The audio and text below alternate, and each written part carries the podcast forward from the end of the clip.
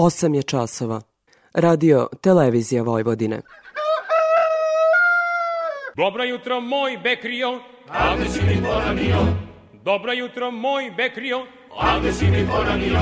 Ta kako ne bi poranio kad upravo počinje emisija Radio Novog Sada. Poljoprivredno dobro.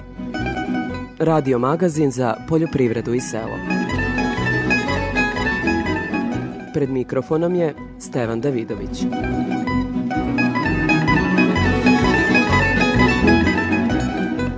Dobro jutro. Protekle sedmice na Zlatiboru je održano 57. savjetovanje agronoma i poljoprivrednika Srbije i treće savjetovanje agronoma Srbije i Republike Srpske. Otvaranje ovog značajnog skupa pratio je kolega Đorđe Simović.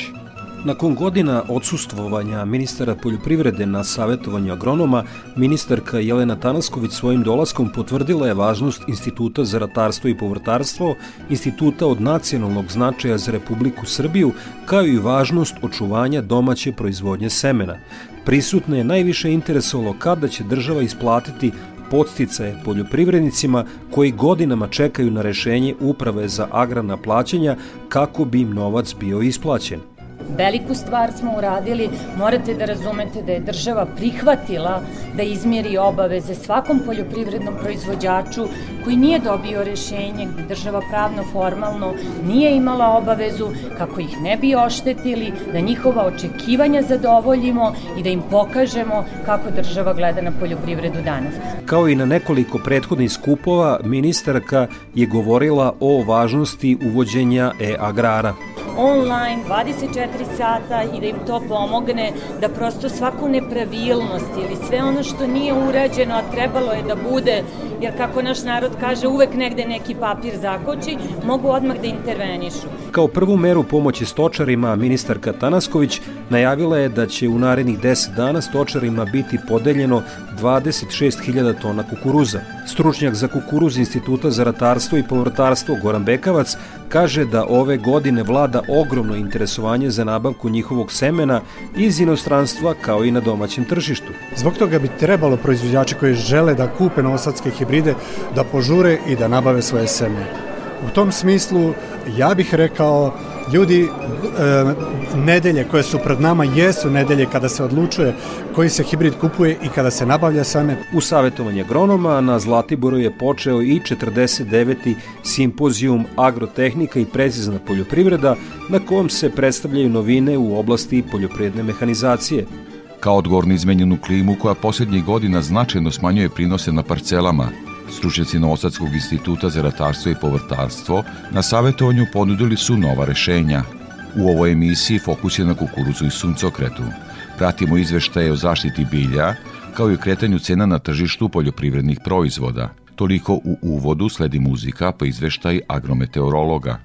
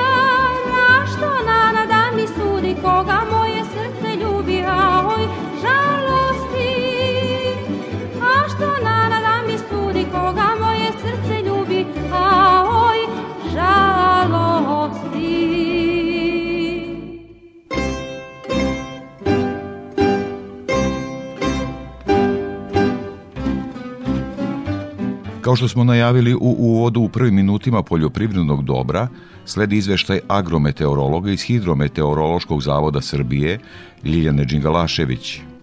Prve dane februara obeležilo je promenljivo vreme sa temperaturama vazduha nešto višim od proseka za ovaj mesec.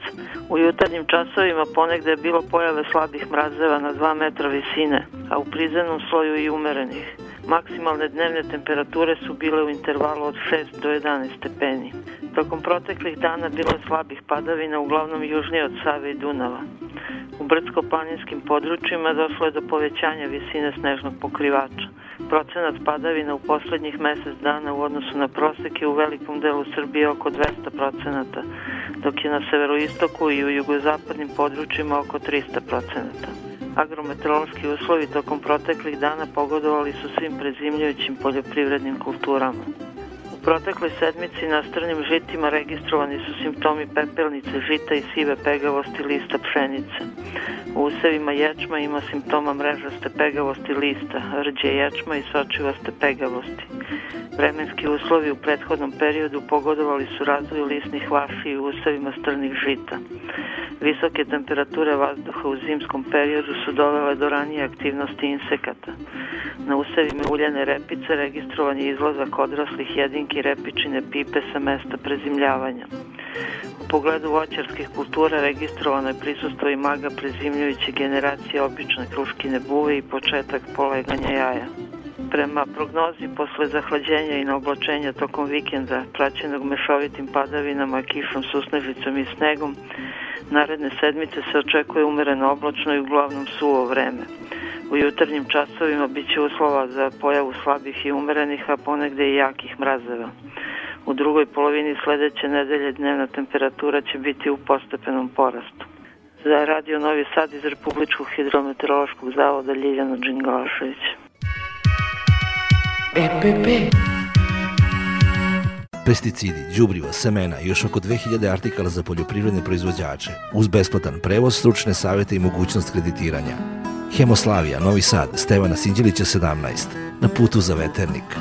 Hemoslavija 021 63 11 666. EPP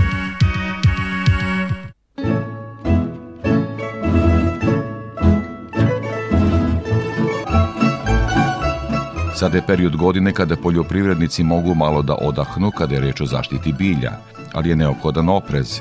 To je poručila koordinatorka prognozu izveštene službe za zaštitu bilja Bilena Mačić, sa kojom sam razgovarao na nedavno završenom simpozijumu Poljoprivredna tehnika na Zlatiboru. Prognoz izveštena služba za zaštitu bilja Vojvodine na 49. simpozijumu Poljoprivredne mehanizacije Poljoprivrednog fakulteta u Novom Sadu. Šta je tema? Tema je zajednička saradnja, prognozu izveštene službe za zaštitu bilja i Departmana za poljoprivrednu tehniku Poljoprivrednog fakulteta u Novom Sadu. Evo već drugu godinu zaredom e, mi radimo na e, iznalaženju, odnosno na kreiranju jednog e, modela daljinske detekcije biljnih bolesti u usevima pšenice. Dakle, radi se o korišćenju najsavremenijih tehnologija, jer više ne možemo ni jedan segment u poljoprivredi posmatrati odvojeno. Ne može više ni zaštite bilja bilja biti odvojena ni poljoprivredna tehnika, tako da e, smo našli zajedničku temu. Za ovih e, dve godine e, učitavanja bolesti na usevima pšenice, negde preko 700.000 bioloških podataka e, smo proizveli i sada radimo na metodama kalibracije, odnosno da zajedno sa našim kolegama sa poljoprivredne tehnike, sa mehanizacije, pokušamo da iznađemo model daljinske detekcije biljnih bolesti. To nam je vrlo značajno iz nekoliko razloga. E, danas želimo na brz i efekasan način da saznamo šta se to dešava na parcelama, ali isto tako da dobijemo jednu širu sliku za kratko vreme, Naravno, ono što smo se mi u našem e, dogovorima i razgovorima za ovu našu saradnju složili jeste da je centralna uloga uloga agronoma, čoveka koji će donositi glavne odluke, a da sve ove savremene tehnike treba samo da budu na raspolaganju našim stručnjacima. U svakoj emisiji Poljoprivredno dobro vi donosite i prognozu i savet. Evo šta bi bilo za naredni period ono što možete poručiti našim poljoprivrednicima. Što se tiče samih e, aktuelnosti u zaštiti bilja i saveta, evo da malo sada i predahnemo, da kažemo da nam je konačno zima stigla, pa će ove, ove nedelje prognoza biti negativna. I to je na neki način prognoza da malo naši poljoprivrednici mogu da odahnu, što ne znači da, da štetni organizmi nisu aktivni. Protekli period koji je bio e, izuzetno topao, iznad proseka, je doveo do toga da su neki štetni organizmi bili aktivni i tokom zime. Tu mislimo na insekte, recimo usevima uljane repice, bolesti usevima pšenice, kruškina buva, ali da kažemo da je sad ovaj pad temperature usporio maksimalno njihovu aktivnost i mi sad čekamo neki, neki lepši period da, da eventualno onda i preporučimo nešto našim poljoprivrednicima. Da li to važi i za voćare, ratare, povrtare, dakle cela biljna proizvodnja je takva. Jeste, svi sada malo mogu da, da odahnu, da uživamo u tom, da kažem, zimskom periodu, ali ono što možda proizvođači povrća u zatvorenom prostoru, oni su uvek tu na nekom oprezu, u tom, uskoro će početi i proizvodnja rasada i tu sad je vrlo važno da kažemo neke mere koje su ključne mere u kontroli štetnih organizama. To su te preventivne mere koje treba sve preduzeti pre nego što krene i sam proces proizvodnje.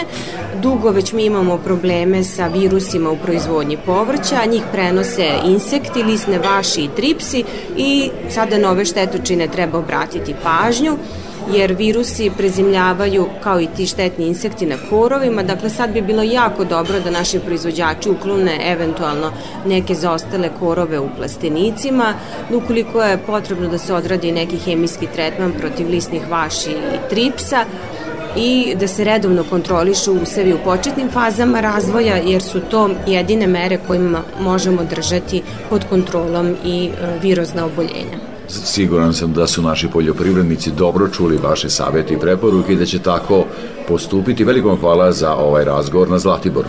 Hvala i vama i pozdrav našim slušalcima.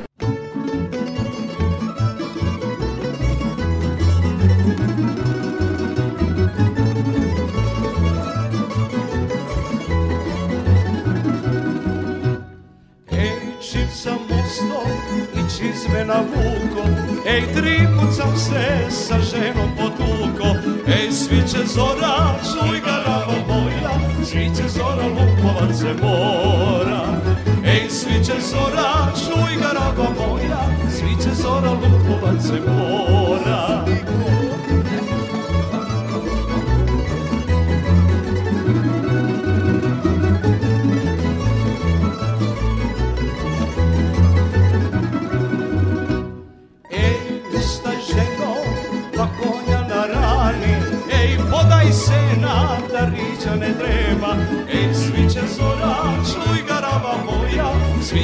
zora, lupovac se mora. Ej, sviće zora, čuj garava moja, sviće zora, lupovac se mora.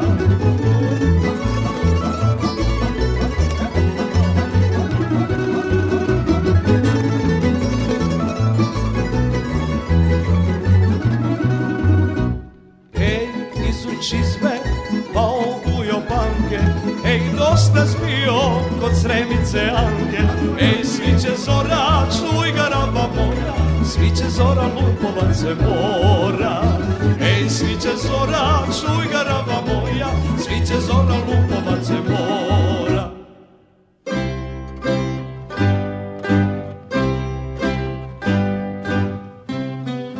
O trgovanju na Novosadskoj produktnoj berzi izveštava Anja Jakšić. Trgovanje na produktnoj berzi beleži slabiju aktivnost učesnika u nedelji za nama. Cene svih primarnih poljoprivrednih proizvoda nastavile su negativan trend iz prethodne nedelje. Ukupno je trgovano svega 1098 tona robe. Finansijska vrednost prometa najniža je od početka godine i dostiže 40 miliona 529 hiljada 540 dinara, što je pad od 59,2 odsto. Kukuruz je bio najviše zastupljen u robno-berzanskom trgovanju u protekloj nedelji. Ugovori su realizovani od 30 dinara do 30 dinara 50 para po kilogramu bez PDV-a.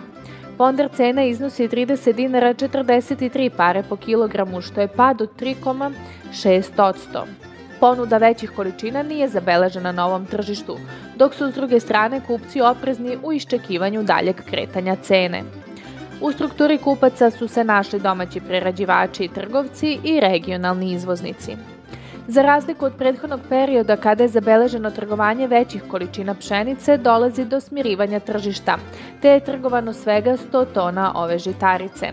Pšenica sa minimum 12% proteina trgovana je po ceni od 32 dinara po kilogramu bez PDV-a, što je ujedno i nedeljni ponder. U odnosu na nedelju dana ranije cena je zabeležila pad od 3,7%.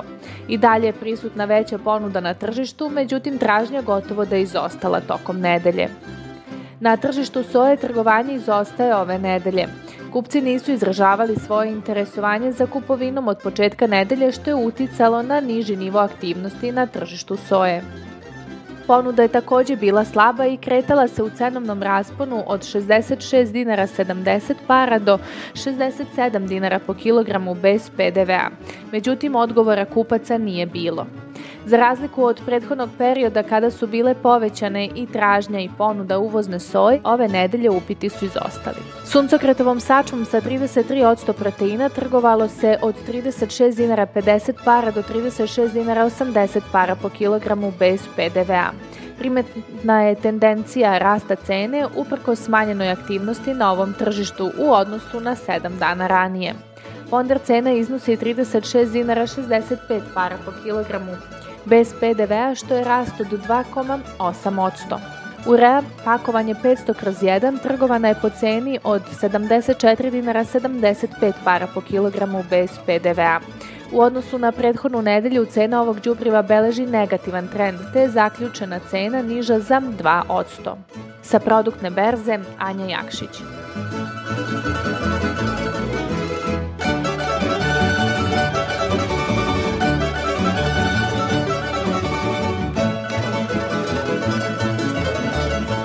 Kao i svake nedelje pratimo izvešte o cenama sa tržišta žive stoke. Iz Infotim Logistike izveštava Gordana Jeličić.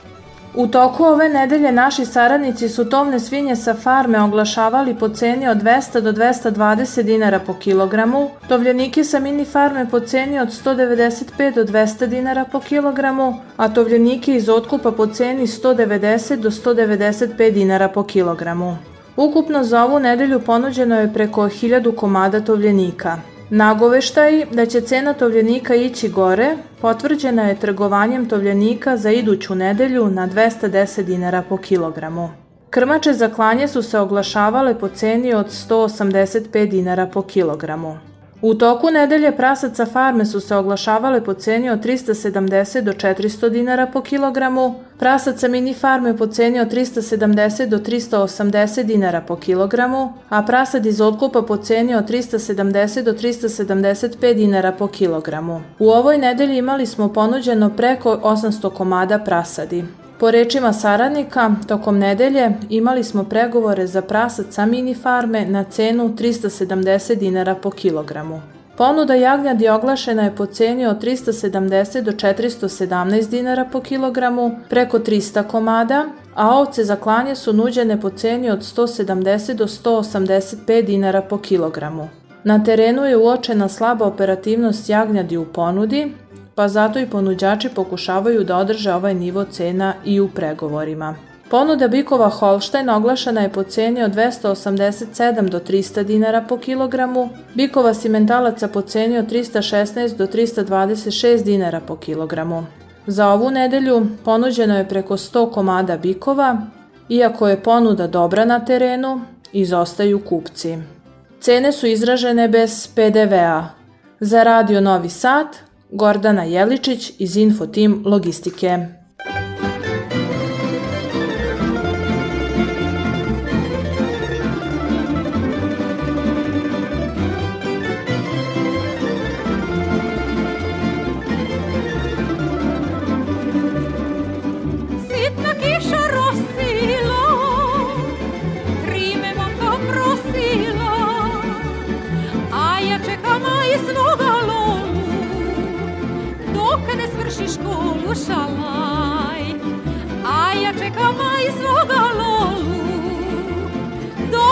przyszło szalma.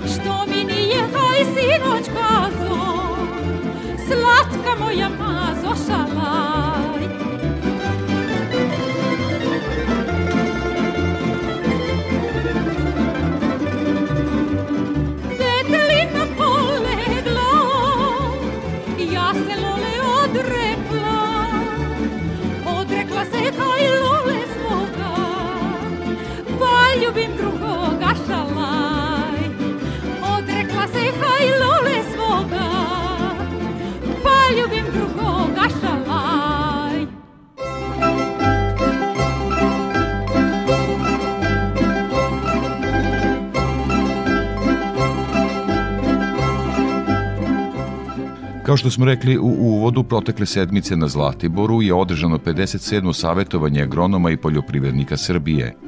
To je bila prilika da sa stručnjakom tog instituta, Goranom Bekavcem, razgovaramo o proizvodnji kukuruza, koji u promenjenim agrometeorološkim uslovima zahteva veliku pažnju ratara. Evo, gospodine Bekavac, 57. savjetovanje agronoma i poljoprivrednika Srbije, blok o kukuruzu. Zaista naša najrasprostenjenija biljna kultura, međutim, evo, posljednjih godina ove suše nekako poljoprivrednike brinu. O čemu je bilo reči? Danas smo imali prilično, barem mi gledamo na to na ovaj način prilično interesantne prezentacije vezane upravo za probleme koje smo imali prošle godine u proizvodnji kukuruza i pokušali nekako da damo odgovore, barem predlog odgovora na sve te probleme koji se javili prošle godine i potencijalne probleme koji bi mogli da se jave u budućnosti. Naime, e, svi smo svesni da se klima menja, da su vremenske prilike prošle godine bile toliko specifične da će prošle godine zaista ostati zapamćena. Evo samo dva podatka koja će biti, siguran sam, svima interesantna, a to je recimo da je Sombor da je leto prošle godine, znači 2022. u Somboru, bilo najsušnije leto u zadnjih 90 godina. A da je recimo u Zrenjaninu u toku jula meseca zabeleženo samo 1,5 mm padavina.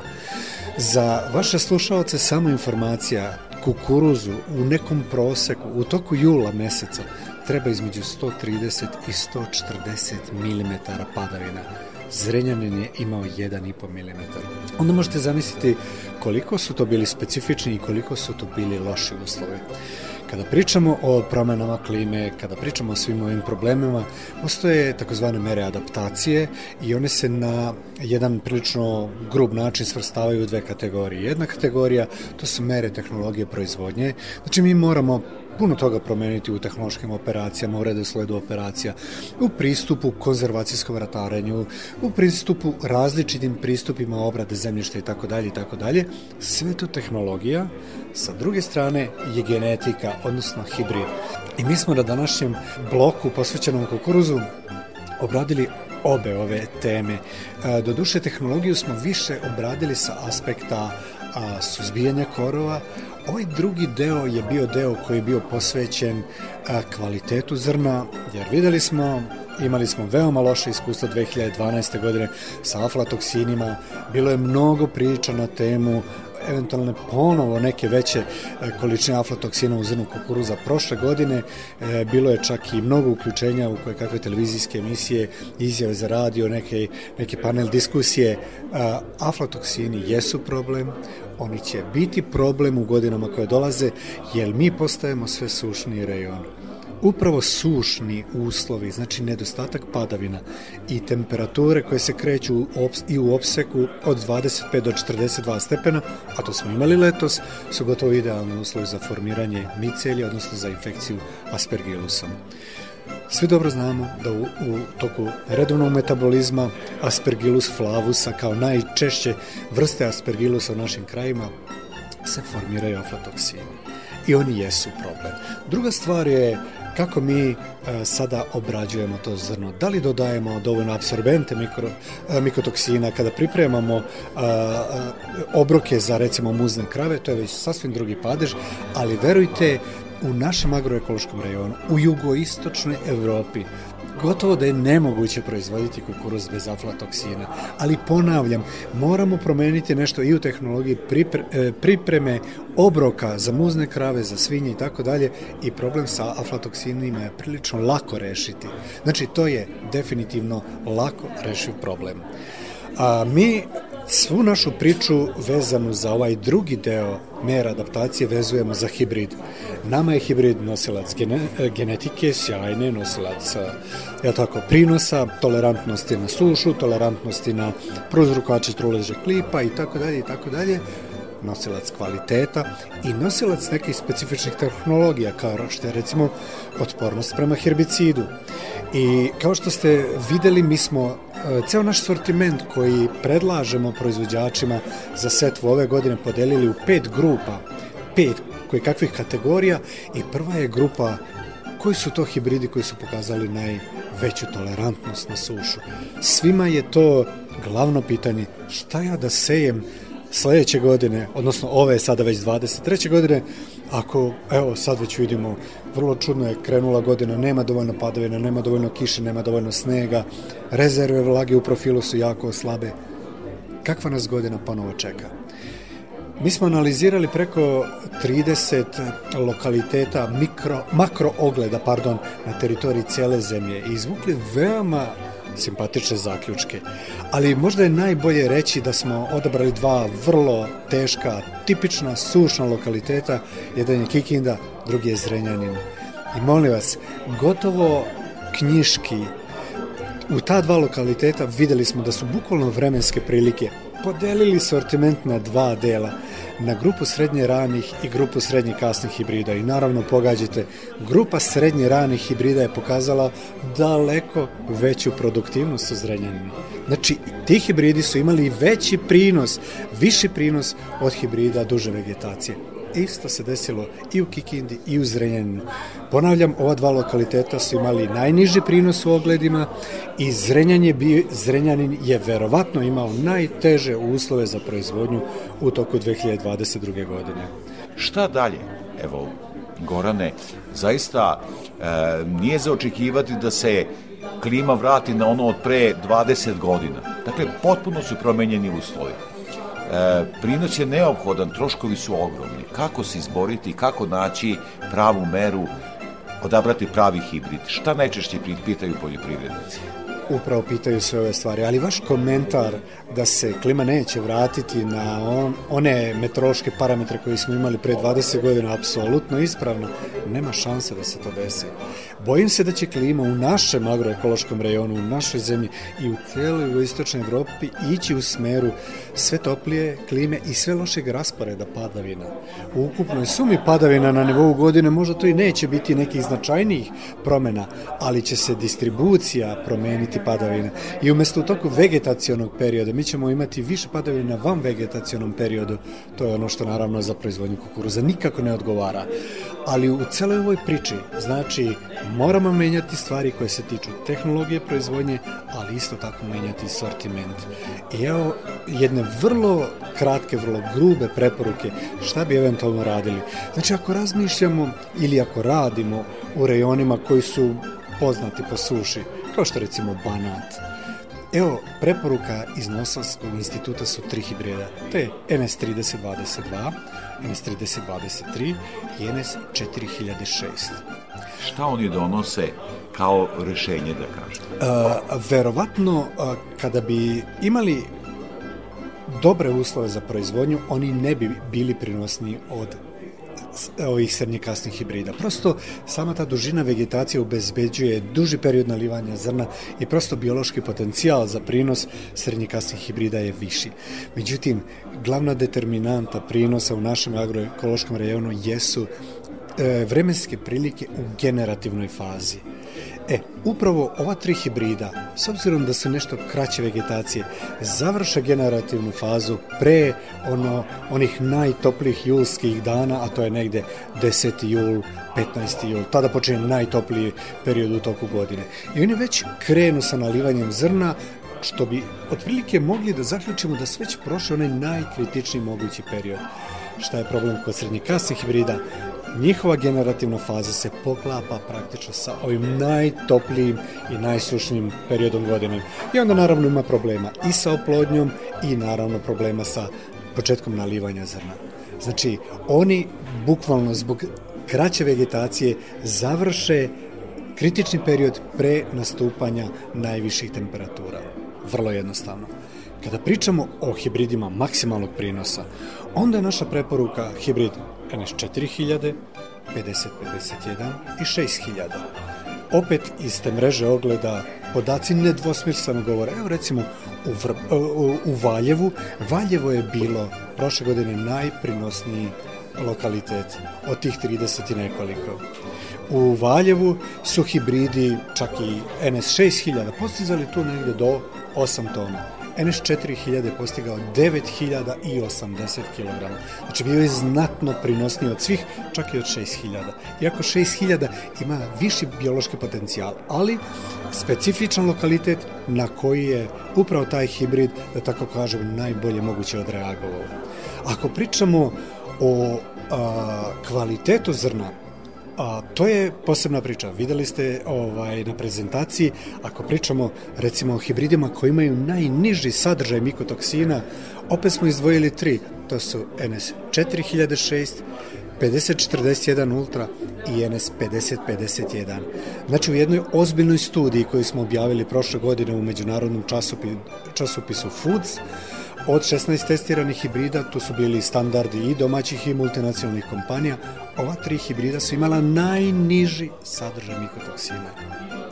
Ako pričamo o nekom, nekoj specifičnoj tehnologiji, kao što su recimo ultrahibridi, na prvo mesto stavljamo 5041 Ultra. Tu imamo i dva stara, tri četvorke Ultra, 640 Ultra, ali ono što je osveženje za sve one proizvođače kojima treba Ultra tehnologija, od sledeće godine imat ćemo u komercijalnoj ponudi i NS3022 Ultra. Znači, idemo, apsolutno idemo u smeru a, razvijanja sortimenta koji pripada i toj srednje ranoj grupi, jer prosto praksa je pokazala da su oni podjednako prinosni u tešni, teškim godinama, a imaju istovremeno znatno niži sadržaj vlage i kada to gledate sa aspekta utroška energije, recimo za dosušivanje i tako dalje, i te kako se isplati gajiti nešto ranije hibride. Evo, počeli smo ovaj razgovor zaista od klimatskih promena, da bi to se ublažilo i te, taj loš raspored zemljište mora imati dobar kapacitet, gubimo plodnost i tako dalje, nisko je stočarstvo, šta činiti u toj agrotehnici da se izvuče maksimum iz hibrida koji očigledno su rađeni za izuzetno visoke prinose? A, ja, ja se bojim da mi imamo jedan a, ozbiljan problem, a to je sadržaj organske materije u zemljištu. Kao što ste i sami rekli, nema stočarstva, odnosno prilično je slabo razvijeno, nema E, primene stajnjaka na parcelama, nema vraćanja organske materije u zemljištu, šta više, mi smo u jednom dugom vremenskom periodu spaljivali žetvene ostatke. Na svu sreću, prošla godina je bila, recimo, jedna od prvih godina da je bilo znatno manje paljenja, što strnjišta, što kukuruzišta. Znači, raste svest. Raste svest, ali verujte, mi to pričamo, evo, već tri decenije, nemojmo ljudi, ne smemo spaljivati žetvene ostatke, dajte da ih zaoremo i tako dalje jer e, sadržaj organske materije u zemljištu takođe utiče na i biološka, i hemijska, i mehanička svojstva zemljišta, utiče recimo na otpore prilikom oranja, na otpore plugu kroz kretanje kroz a, plasticu a, zemljišta. Znači, ne smemo zanemariti ni jedan faktor. Ali ako pričamo o tehnologiji proizvodnje, e, moram startu da kažem da moramo ići sa nekom računicom. A računica je otprilike sledeća. Ako planiramo 10 tona prinosa, te biljke moraju imati na raspolaganju 180 do 200 kg azota, za, znači ceo period vegetacije, one moraju da imaju 90 do 110 kg fosfora i negde 80 do 120 kg kalijuma. To je osnova, bez toga nema ništa. Znači moramo raditi agrohemijsku analizu zemljišta pred ono zimsko, odnosno jesenje oranje, aplicirati fosforna i kalijuma đubriva u 100% iznosu i dodati neki 30 do 40% azota i onda zaorati to parcelu, znači zaorati te žetvene ostatke. Azot se dodaje i da bi pospešio mikrobiološku aktivnost zemljišta, ali i da bi se on polako spustio sa zimskim padavina u dublje slojeve profila zemljišta kako bi imali dobar raspored, raspored azota po dubini profila. Treba zatvoriti brazdu u jesenu koliko je moguće i to je sve na proleće što, u što manje prohoda pripremiti parcelu za setvu. Znači, ako nismo u jesen zatvorili parcelu, zatvorili brazdu, to uradimo u proleće, negde u februaru. E, u predsetvernoj pripremi dodamo onaj ostatak azota i predsetvernu pripremu uradimo sa što je mo, manje moguće prohoda, samo da bi spa, smanjili ovaj, isušivanje zemljišta. A, naravno, setva zna se kada u kom periodu ide i ako dozvolite, ja bih ovom prilikom rekao da mi ne preporučujemo nikakvo povećavanje dubine da bi tragali za vlagom, to je pogrešna stvar. Znači, e, na težim tipovima zemljišta dubina setve u našem agroekološkom rejonu je 5 cm, a na lakšim tipovima 7. Molim vas, ništa izvan toga. Tako treba sejati. Prva nedelja aprila, početak setve. Što se tiče gustine setva, ajde da sačekamo još jedno mesec, dva, tamo negde krajem marta, vidjet ćemo kakvi su bilansi vode u zemljištu i onda ćemo dati preporuku. A u toku vegetacije, mi, mi smo zaboravili recimo ono jedno najjednostavnijih agrotehničkih operacija, to je međuredna kultivacija ili špartanje. Molim vas, kukuruz tako dobro reaguje ne samo na skidanje korova u međurednom prostoru, nego na aeraciju tog površinskog sloja. Je to prosto neverovatno. Znači, međuredna kultivacija bi trebala da bude obavezna mera nege. Samim tim mi sprečavamo i onaj preterani gubitak vlage evaporacijom. I prosto e, svesno strat, razviti neku strategiju povećavanja organske materije u zemljištu. Što zaoravanje žetveni ostatak, što primarno stajnjak. Bez toga bojim se da ćemo imati ozbiljne probleme stručnjak instituta za ratarstvo i povrtarstvo, Goran Bekavac. Namerno neću sad, a i tako smo se dogovorili da ne širimo priču i umorni ste i dalje predavanje, ovde kontakti sa poljoprivrednicima, a vrlo ste drag gost Radio Novog Sada, emisija o poljoprivredi, tako kako se bude približavala setva kukuruza, tako ćemo nastaviti razgovor i davati ove dragocene savete našim ratarima. Vrlo rado. Svako dobro. Hvala lepo.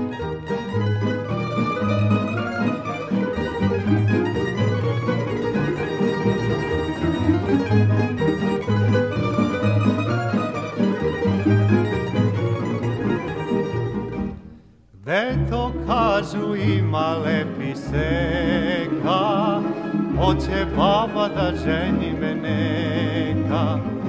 Deto kažu ima lepi seka, Hoće baba da ženi me neka. Ajdmo babo u zapalj, pa uveče na rogalj, Luče belo doći će za celo. Ajmo babo u zabalj, a u eće na rogalj, Luče belo doći će za celo.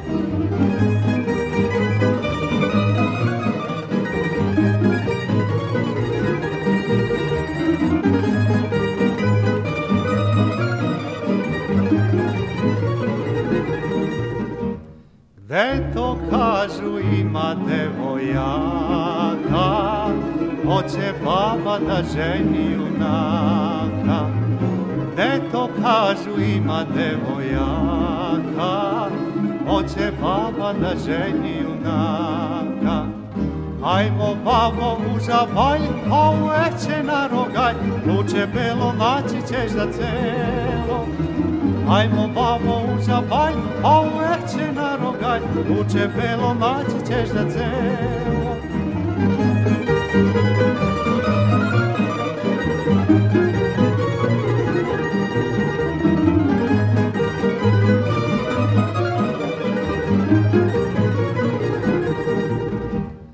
Zelen som otišarena svila, lepša jela nego bajna vila. Zelen som otišarena svila, lepša jela nego bajna vila. Avo jelo dan ti tvoj, čuj što veli baba moj, a idemo da te dovedemo. Avo jelo dan ti tvoj, čuj što veli baba moj, da idemo da te dovedemo. EPP pesticidi, đubriva, semena i još oko 2000 artikala za poljoprivredne proizvođače, uz besplatan prevoz, stručne savete i mogućnost kreditiranja. Hemoslavija, Novi Sad, Stevana Sinđelića 17, na putu za veternik. Hemoslavija 021 63 11 666. EPP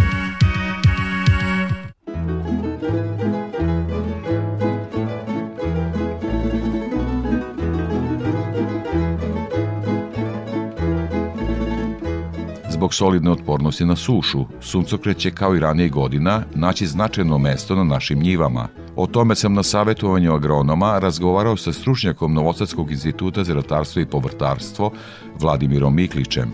Evo gospodine Miklić, šta su novine u proizvodnji suncokreta? Pa videli smo kakva je sezona bila iza nas i suncokret je, iako su uslovi bili nepovoljni za većinu ratarskih biljnih vrsta, ipak pokazao da se prosječan prinos u Srbiji održao na visokom nivou na neke 2,7 tona po hektaru, znači da je možda 10% manje nego smo imali zadnjih nekoliko godina. U tom smislu daleko je najveću tolerantnost pokazao suncokret u odnosu na E, druge ratarske biljne vrste prolećnje, pre svega o njima govorimo. E, ono što je važno, naša se mora sve više očigledno obratiti pažnja, znači ima nekoliko pravaca. Jedan je sigurno da se mora ići na e, veće zastupljenost gajanja, znači ranijih sorata, ranijih hibrida, koji sigurno zbog svojih specifičnih osobina, brzog prolaska kroz pojedne faze rasta, i razvoja mogu da izbegnu određene najnepovoljnije znači e, faze, ajde kažemo periode u toku godine kada su najviše temperature, kada ima najmanje padavina. Znači ta neka e, ideja da se ide u još raniju setvu, čak se stalno već godinama priča i o ozimim, ozimom to naravno ne kod nas, nego tamo negde na jugu Španije i tako dalje ideja je da on što pre nikne da iskoristi zimsku vlagu i da ako je moguće prođe cvetanje pre što počnu najveće vrućine, zato što je najosetljivija faza cvetanja. Dakle, rani hibridi, što se tiče Novosadskog instituta, recimo jedan od dobrih rešenja jeste hibrid 7749, koji je izuzetno rani hibrid, znači ultra rani sa 90 dana vegetacije i polako zamenjuje poznati hibrid Dukat u toj grupi, ali, kažem, on jeste pre svega za neke kasne setve, tako da, znači, možemo ići koji pogotovo zalini sistem i na dve žetve, ovaj, dve, dve, dve, sezo, dve, dve proizvodnje u jednoj, u jednoj sezoni. To je jedna opcija, ali čak može da se pokuša izbeći da se ide u neke ranije sete. Dakle, on takođe postoji u varijanti sumo i to će ove godine neće biti na raspolaganju, sem za oglede, ali će biti, dakle, otporen na herbicide iz grupe E, sulfonilurea. E, to je jedan pravac, drugi pravci, obično ono što je novo u suncokretu vezani su za otpornosti na herbicide, jer naravno u toj u, situacije kad imamo neznatne vlage i kad imamo e, problem sa konkurencijom, znači kor, ovaj, za borbom za te resurse, pre svega za vlagu, naravno je važno imati čisto polje i to se najlakše dobija gajenjem hibrida koji su otporni na pojedine grupe herbicida. Tu su pre svega, znači, naravno Clearfield, Clearfield Plus i Express ili Sumo tehnologije. E, Institut Novosadski ima naravno grup, e, hibrida iz svih ovih grupa na raspolaganju i među prvima smo bili u Evropi i u svetu kada su ove tehnologije uvođene. Ima i nekih novih tehnologija koje su najavljene prošle godine na konferenciji e, međunarodnoj o suncokretu koji je institut organizovao u Novom Sadu u junu mesecu.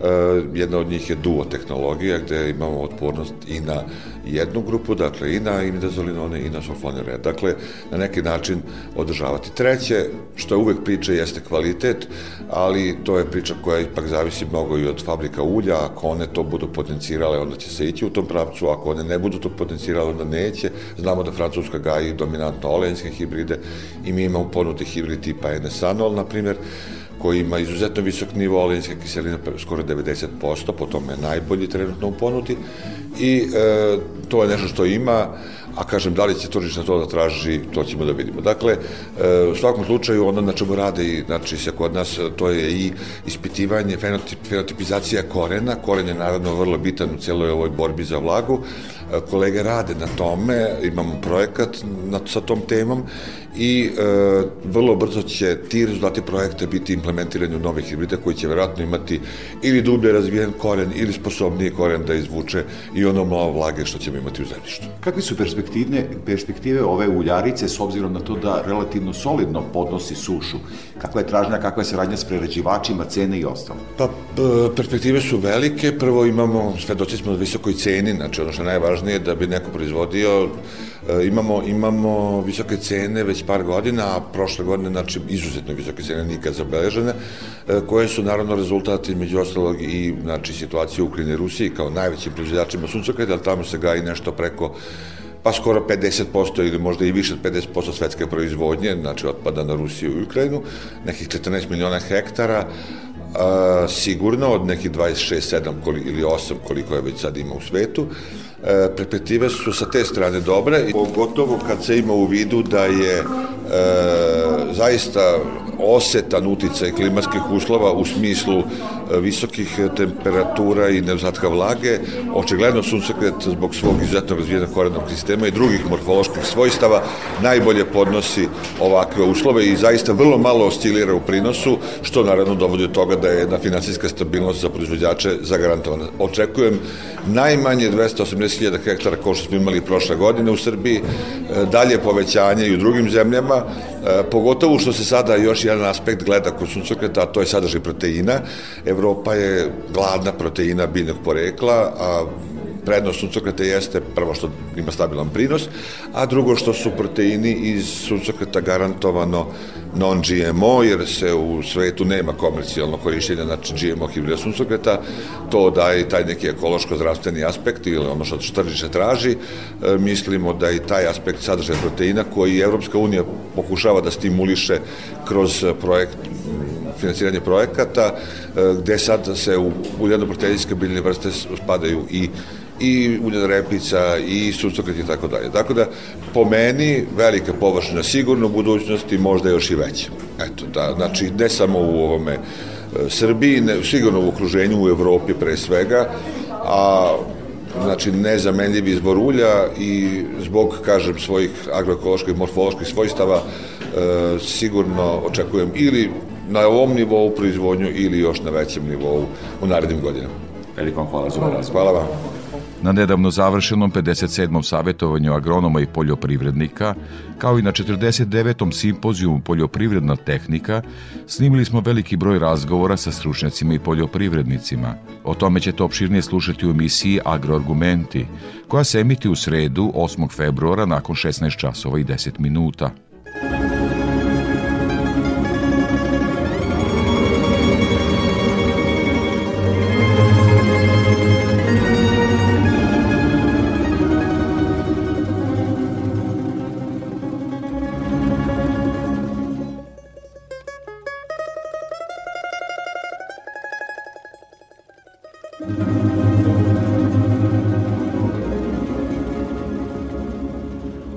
Ruzmarine moj zeleni, moj penđeru okićeni,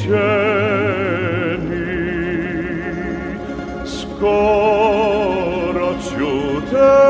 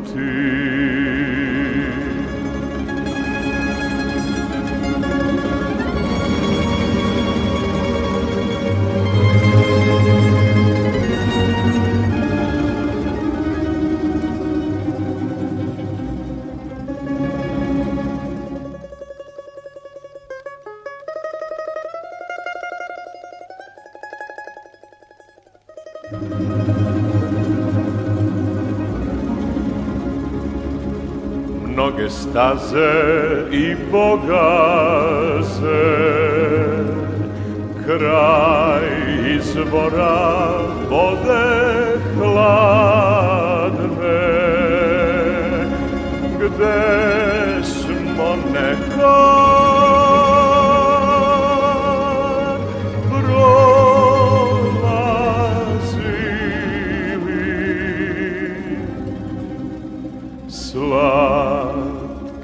da se provodili.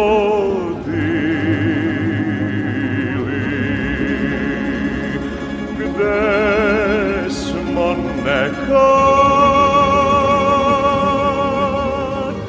prolazili.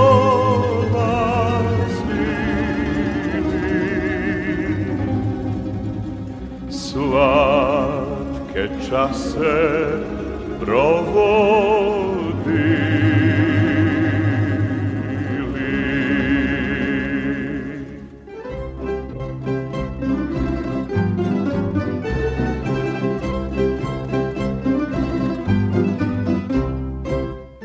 pred kraj emisije još jednom prognoza za narednu sedmicu. Iz Hidrometeorološkog zavoda Srbije Ljiljana Đingalašević. Prema prognozi posle zahlađenja i naoblačenja tokom vikenda, praćenog mešovitim padavinama, kišom, susnevicom i snegom, naredne sedmice se očekuje umereno oblačno i uglavnom suvo vreme. U jutarnjim časovima biće uslova za pojavu slabih i umerenih, a ponegde i jakih mrazeva. U drugoj polovini sledeće nedelje dnevna temperatura će biti u postepenom porastu.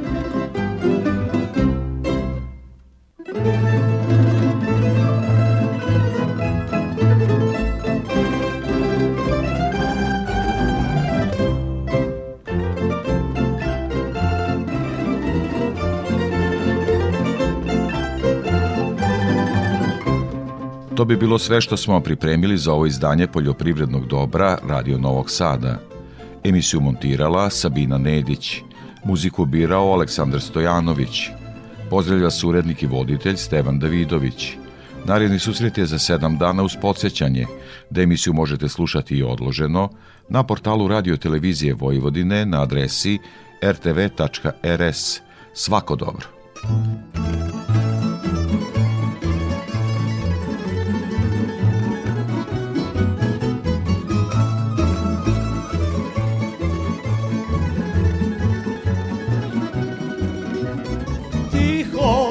Sava Pokraj ravnog strema Celo selo spava Tebe draga nema. Šta će meni čak i pola strema Kada tebe pored mene nema? Šta će meni konji vranci Šta će meni tolki lanci Kad mi fale tvoji poljubci Šta će meni konji vranci, šta će meni tolki lanci, kad mi fale tvoji poljubci?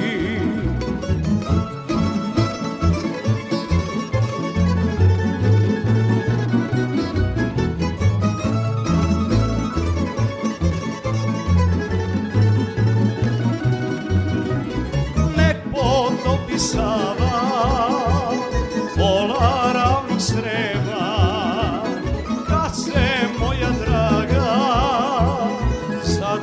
drugoga sprema. Šta će meni čak i pola srema, kada tebe pored mene nema? Šta će meni konji vranci, šta će meni toki lanci, kad mi fale tvoji poljubci? Šta će meni konji vranci, šta će meni toki lanci, kad mi fale tvoji poljubci?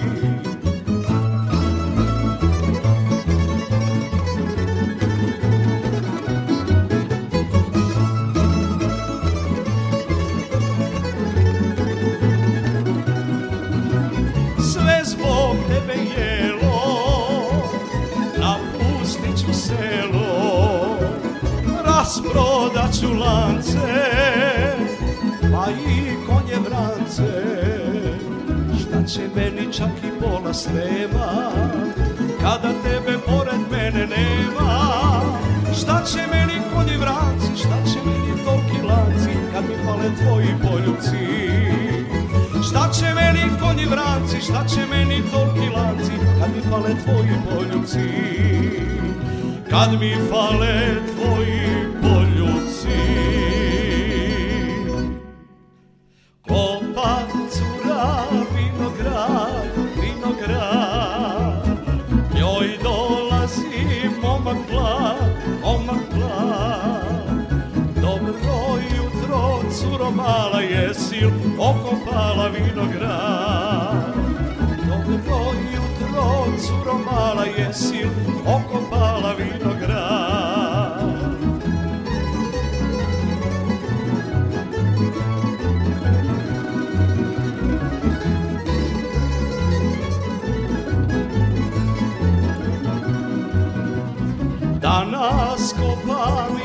član, jedan član A sutra ću ceo dan, ceo dan.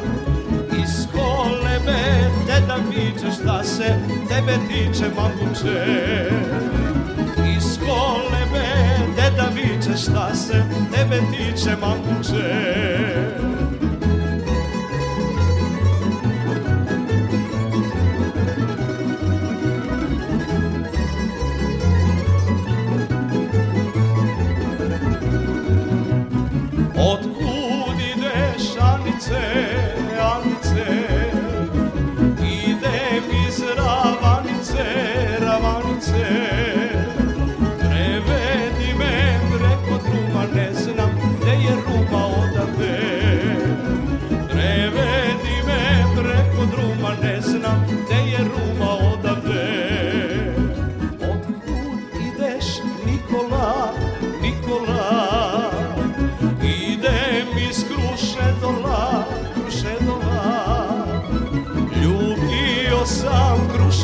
devojke, najlepše devojke garave. Ljubio sam kruše dolke, najlepše devojke garave.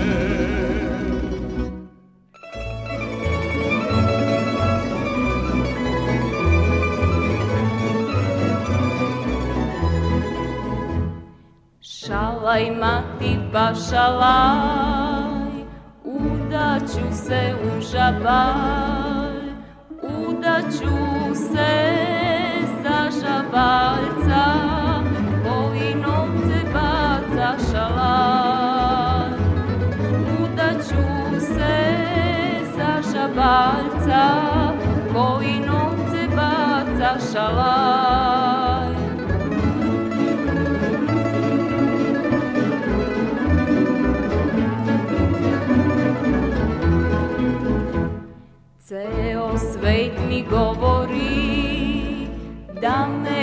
Da ne voli, a u dike srce vene, dok ne vidi mene šalaj.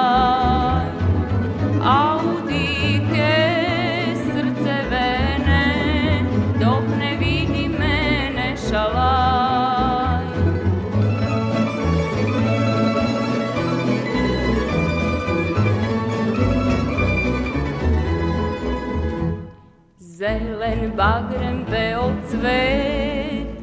Žen se diko dok si lep Žen se diko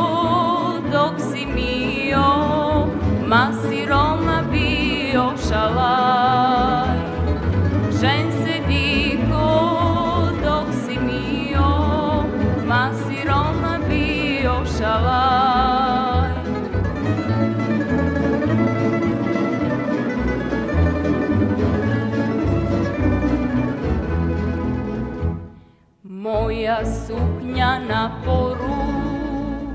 Ostavlja me moj golu